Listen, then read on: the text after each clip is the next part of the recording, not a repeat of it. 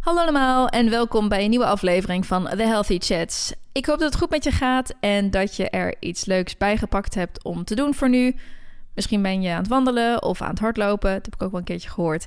Of ga je even schoonmaken of een beetje opruimen. Maar het is natuurlijk ook helemaal oké als je lekker op de bank ligt of op bed met een kopje thee en gewoon lekker gaat luisteren. De podcast van vandaag is weer een beetje een wat serieuzer thema dan uh, de podcast waarin ik wat tips vertel of waarin ik over mezelf vertel. Maar ik vind het heel waardevol om ook af en toe iets met je te delen waarvan ik hoop dat je er ook wat aan gaat hebben in de rest van je leven.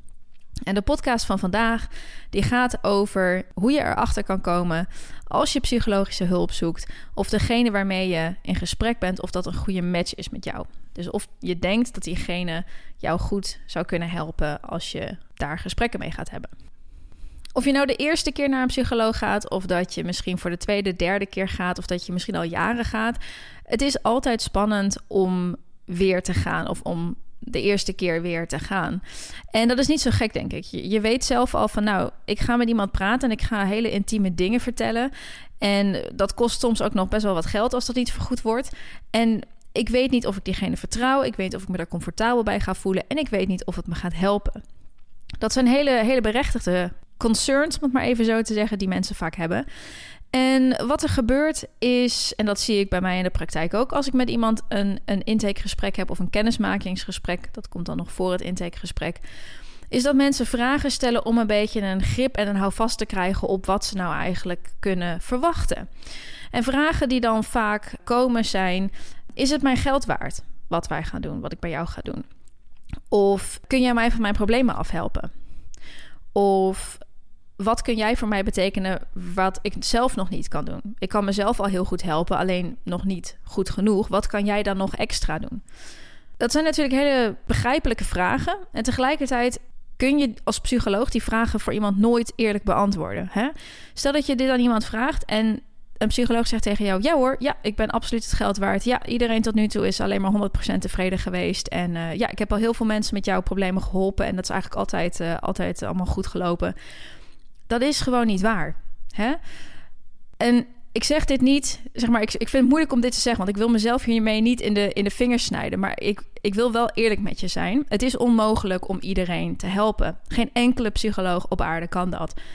Een psycholoog kan alleen maar zijn alleruiterste best doen voor je. Ik kan alleen maar mijn alleruiterste best doen voor je met de ervaring die ik heb en hoe ik weet dat dingen werken en hoe ze meestal verlopen voor de meeste mensen.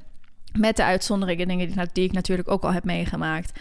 Maar ik kan je geen belofte doen. Dat komt omdat succes met coachingsgesprekken of in therapie ook van heel veel andere factoren afhangt. Het hangt ervan af of het het juiste moment in jouw leven is om hiermee aan de slag te gaan. Het hangt ervan af of wij inderdaad op de lange termijn ook een goede match zijn. Het hangt van jouw eigen inzet af. Het hangt ervan af wat we verder nog voor problemen tegenkomen. Daar speelt gewoon zoveel in mee dat je zo'n vraag nooit eerlijk zou kunnen beantwoorden. Het enige wat je kan zeggen is: ik ga mijn uiterste best voor je doen. En als jij inderdaad over drie of zes maanden of over twaalf maanden van je probleem afgeholpen bent, dan garandeer ik je dat je het dit waard gaat vinden.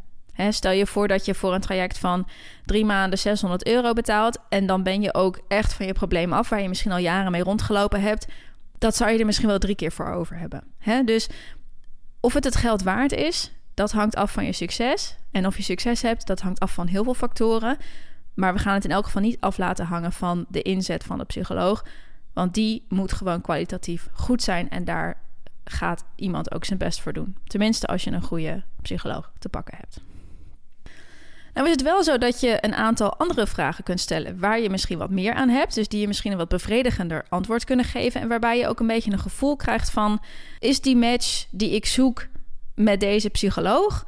En is het type traject wat deze psycholoog doet, of het type gesprekken wat deze psycholoog doet, passen die bij mij? En wat, voel ik daarbij als ik, uh, als ik daar wat meer over hoor? En dat zijn de type vragen waar je eigenlijk veel meer aan hebt. Want die kunnen je echt een idee geven over of dit eventueel succesvol zou kunnen zijn.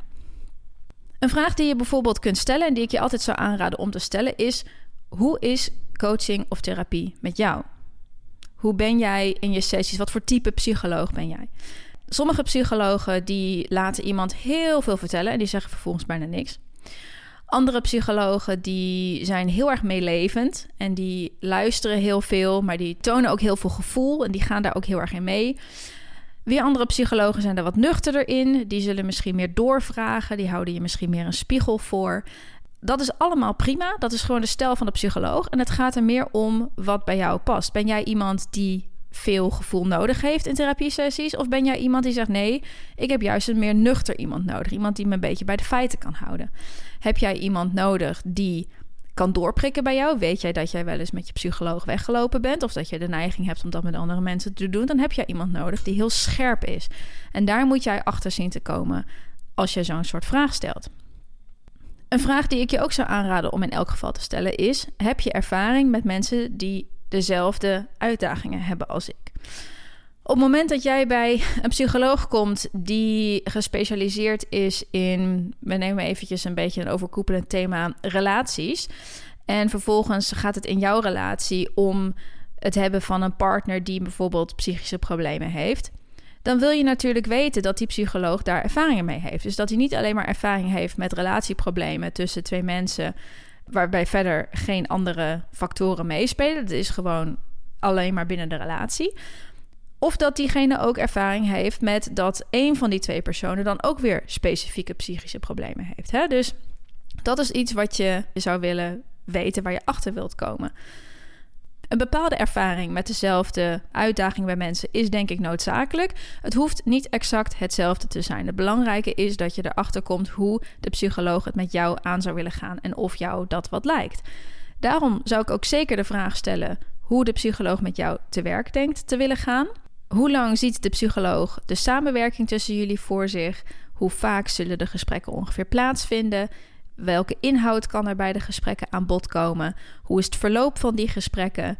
Krijg je eventueel nog dingen mee om thuis te doen? Krijg je opdrachten mee? Krijg je oefeningen mee? Moet je jezelf nog voorbereiden op de gesprekken? Dus hoe ziet het er omheen uit? Hoe gaan jullie bijvoorbeeld doelen bepalen? Hoe gaan jullie zorgen dat jullie die doelen kunnen bereiken? Dat zijn allemaal hele goede vragen om, uh, om te stellen, om hier ook een beetje een idee van te krijgen. Je kunt dan specifiek nog ingaan op bijvoorbeeld de intake en de eerste paar gesprekken. Die zijn namelijk net iets anders dan de vervolggesprekken die daarna komen.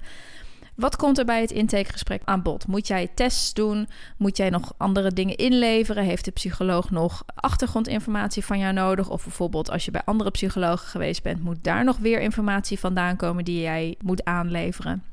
En in de eerste gesprekken hoe gaat dat? Wat moet je voorbereiden? Waar houden jullie je in de eerste gesprekken mee bezig?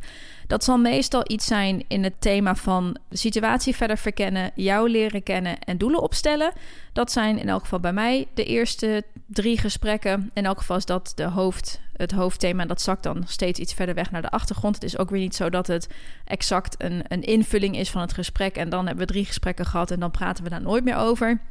Natuurlijk gaat dat een beetje geleidelijk, maar dat moet in elk geval in de eerste drie gesprekken wel aan bod komen, want anders heb je geen plan om te volgen en dan gebeurt het allemaal een beetje in het wilde weg en dan, uh, nou ja, kom je moeilijker ergens. Eventueel, als jij bij een psycholoog komt en het heeft iets met je gewicht te maken, dan zou ik ook altijd de vraag stellen of de psycholoog jouw gewicht nodig heeft of dat jouw gewicht gebruikt wordt. Als je dat niet fijn vindt, dan zou ik dat ook zeker aangeven. Als de psycholoog dat verwacht, of dat is een vereiste, en jij wilt dat absoluut niet, zou ik daar een kanttekening van maken. Jij bent degene die bepaalt of die informatie gebruikt wordt. En ik hoor regelmatig dat cliënten bijna gedwongen worden om, om dit uh, te delen of om hier iets mee te doen. Maar dat is echt aan jou. Dat mag jij aangeven. Hè? Ik werk er alleen maar mee als de cliënt daar zelf oké mee is. En anders dan proberen we dat zoveel mogelijk te vermijden. Tot slot zou je nog kunnen vragen hoeveel tijd je ongeveer kwijt bent met de gesprekken met de psycholoog. Het is namelijk niet alleen maar dat ene gesprek van een uurtje in de week. Je moet er ook rekening mee houden dat je het gesprek even kort voorbereidt, dat je het gesprek misschien even nabereidt, dat je misschien een paar uur na het gesprek tijd voor jezelf hebt om te verwerken waar je het over gehad hebt. Dus je hebt een rustige middag nodig als dat kan. Misschien krijg je opdrachten mee of oefeningen die je moet doen. Misschien moet je nog weer een mail sturen. Bij mij is het bijvoorbeeld zo dat ik mijn cliënten af en toe een mail laat sturen. waarin ze weer eventjes vertellen hoe het de afgelopen tijd gegaan is. welke uitdagingen ze tegengekomen zijn. We hebben dus ook wat e-mail of WhatsApp-contact heen en weer. En dat telt allemaal bij elkaar natuurlijk toch op. Hè? Dat is dan niet één uur in de week, maar dat is dan misschien twee of drie uur in de week dat je ermee bezig bent. Ook weer heel fijn, omdat hoe meer tijd je bezig bent met hetgeen waar je tegenaan loopt, hoe sneller je voortgang vaak zal zijn. Maar die tijd moet je natuurlijk wel hebben. Dus als je de verwachting hebt dat je er maar een uurtje per week mee bezig bent, of een uurtje per twee weken en uiteindelijk is het drie uur per twee weken, dat is natuurlijk nog wel weer een verschil. Als je deze vragen stelt, dan denk ik dat je een veel beter beeld krijgt bij de psycholoog en bij de werkwijze van de psycholoog, waar je overweegt om eh, voor gesprekken te komen. En ondanks dat ze jou niet kunnen vertellen of het nou het geld waard is, of dat jij per definitie van je probleem afgeholpen wordt, want dat kan niet, dan denk ik wel dat je een gevoel krijgt over het, de slagingskans van de samenwerking met die psycholoog en van het traject of de gesprekken die je zou ingaan. Het gevoel wat je krijgt aan de hand van deze vragen, die kunnen je daar heel veel over vertellen. Daarbij is het nog wel zo dat je niet moet verwachten dat coachingsgesprekken altijd leuk zijn. Ze kunnen leuk zijn, ik heb regelmatig dat ik lach met een cliënte in mijn gesprekken. Of dat we eventjes terugkijken naar hoe het bijvoorbeeld een aantal maanden ervoor gegaan is. En dat we dan heel anders denken over een situatie die dan een tijdje terug gebeurd is. Dat er dan een hele andere, veel luchtigere kijk op gekomen is. Maar coaching is niet bedoeld om leuk te zijn. Het is bedoeld om jou verder te brengen. Het is de bedoeling dat jij dingen leert die je anders zelf moeilijker of niet zou kunnen leren. En dat maakt coaching soms zwaar. Dus ga er niet vanuit dat het een walk in the park is, maar ga ervan uit dat je waardevolle dingen leert waar je sneller mee verder komt. En dat is dus ook niet een signaal dat die psycholoog niet bij jou past of dat het traject niet bij jou past, maar dat, dat hoort er soms gewoon bij. Het is ook zo dat sommige psychologen, dat is weer een beetje afhankelijk van het type psycholoog wat je hebt, maar een goede psycholoog die doet dat af en toe, die zal jou proberen te triggeren of een spiegel voorhouden of een andere perspectief proberen te geven of proberen jou uit je comfortzone te krijgen. Want dat zijn dingen die heel moeilijk zijn om zelf te doen, maar die makkelijker worden als iemand jou daarbij helpt. En dat is dus precies de rol van een psycholoog. Kijken waar dat mogelijk is, kijken waar dat veilig voelt voor jou en jou dan daarin begeleiden om die stappen te maken en zo verder te komen. Ook dat voelt niet comfortabel in het moment zelf en dat kan je soms heel erg raken. Precies aanvoelen waar dat punt ligt dat iemand net een stapje verder komt en dat het net te veel is, dat is heel moeilijk. En het zal ook soms zo zijn dat het misschien net een beetje te veel of net een beetje te weinig is. Daar kun je over praten met je psycholoog, dat kun je teruggeven. In plaats van dat je dat gebruikt als een conclusie dat jullie niet bij elkaar passen. Dus jij moet ook jouw psycholoog weer helpen om te fine-tunen hoe diegene goed met jou om kan gaan, verwacht niet dat dat binnen twee of drie gesprekken perfect gaat. Want iemand moet jou eerst leren kennen. Net zoals dat een kapper jouw haar eerst moet leren kennen voordat je kapsel goed zit. Een psycholoog moet jou ook eerst goed leren kennen voordat hij exact weet welke knoppen die moet drukken om jou in beweging te krijgen. Het kan dus soms een tijdje duren voordat dit werkt. Ik heb voor mezelf altijd een beetje de richtlijn van drie maanden. Als ik zelf naar een psycholoog ga, ben ik al een paar keer in mijn leven voor verschillende dingen geweest. Of als ik met iemand in een samenwerking inga, ik kijk dan zelf ook. Pas ik bij diegene en werkt dit? En ik neem daar altijd drie maanden de tijd voor. Dus drie maanden geef ik het. En als ik dan het gevoel heb van: hey, ik heb het idee dat iemand anders jou beter kan helpen. Of ik heb het idee dat we niet verder komen. Dan leg ik dat aan de cliënt voor. En als diegene dan mee, daarmee eens is, dan kan het zijn dat je uit elkaar gaat. En dat je alle twee, ik heb dan een andere cliënt en de cliënt zoekt dan een andere, andere vorm van hulp. Dat kan wel eens gebeuren en dat is helemaal oké. Dus van die mogelijkheid mag jij ook gebruik maken. Jij mag ook zeggen: ik geef het in mijn hoofd, in mijn achterhoofd geef ik het drie maanden. Wil ik het even aankijken. Als ik dan niet het gevoel heb dat we verder gekomen zijn, of ik heb het gevoel dat ik herhaaldelijk geen klik heb met mijn psycholoog, dan mag je dat aangeven alsnog. En dan kun je dus beslissen om bij de andere kant op te gaan. Dus dat zijn nog eventjes drie dingen die ik jou mee zou willen geven als je hiermee aan de slag wilt gaan de volgende keer dat jij bij een psycholoog komt. Je weet nu ook een klein beetje hoe ik het aanga, hoe ik erover denk. Dat je niet een match bent met een psycholoog, dat is überhaupt helemaal niet erg. Hè? Daar ben ik ook al mee begonnen. We gaan er al niet van uit dat we iedereen kunnen helpen. Als je dat doet, dan, dan ben je denk ik een, een beetje een egocentrisch persoon die denkt dat hij iedereen kan helpen. Dat kan niet. En de meeste psychologen die ik ken hebben dat geaccepteerd. En die kijken dat samen met de cliënt aan. En als het niet werkt, dan ben je even goede vrienden en dan ga je andere kanten op. Ik geloof dat het in de afgelopen vier jaar dat ik aan het werk ben, is het één of twee keer gebeurd.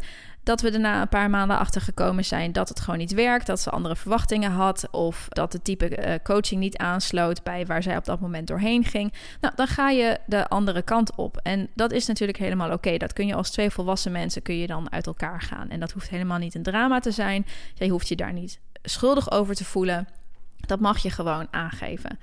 En als je twijfelt bij iemand, dan zou ik dat ook gewoon altijd aangeven. Als je al twijfelt om te starten, dan zou ik dat aangeven. Eventueel kun je dan starten met losse gesprekken in plaats van direct een traject volgen. En je hebt natuurlijk altijd de mogelijkheid om te zeggen dat je niet wilt starten. je mag gewoon zeggen dat je eerst nog even verder wilt kijken of dat je over iets twijfelt, nog eventjes navragen. Heb ik dat goed begrepen dat het zo en zo gaat? Want dan denk ik dat het toch wat minder bij mij past. En een psycholoog, een goede psycholoog, die zal dat niet persoonlijk nemen. En die zal jou eventueel zelfs helpen en doorverwijzen naar iemand die daar dan beter bij past. Tenminste, dat is hoe ik het, um, hoe ik het doe. Ik hoop dat je hier een beetje een idee van krijgt hoe dit nou allemaal gaat en hoe je hier uh, zelf in kunt navigeren. En dat je hier wat aan hebt, dat je dit onthoudt of dat je dit eventueel eens terug kunt kijken als je dit nodig hebt in je leven en dat het dan van pas komt en dat je zo sneller een goede klik met iemand kunt vinden en met diegene aan de slag kunt gaan. Het was een wat technische podcast vandaag, maar ik hoop wel dat hij je verder helpt. En als je het leuk vindt, luister gerust nog iets anders als toetje om weer eventjes een beetje in je wat meer happy zenzone terecht te komen. En deze ga ik voor nu afsluiten. Ik wens je een hele fijne dag en tot de volgende keer.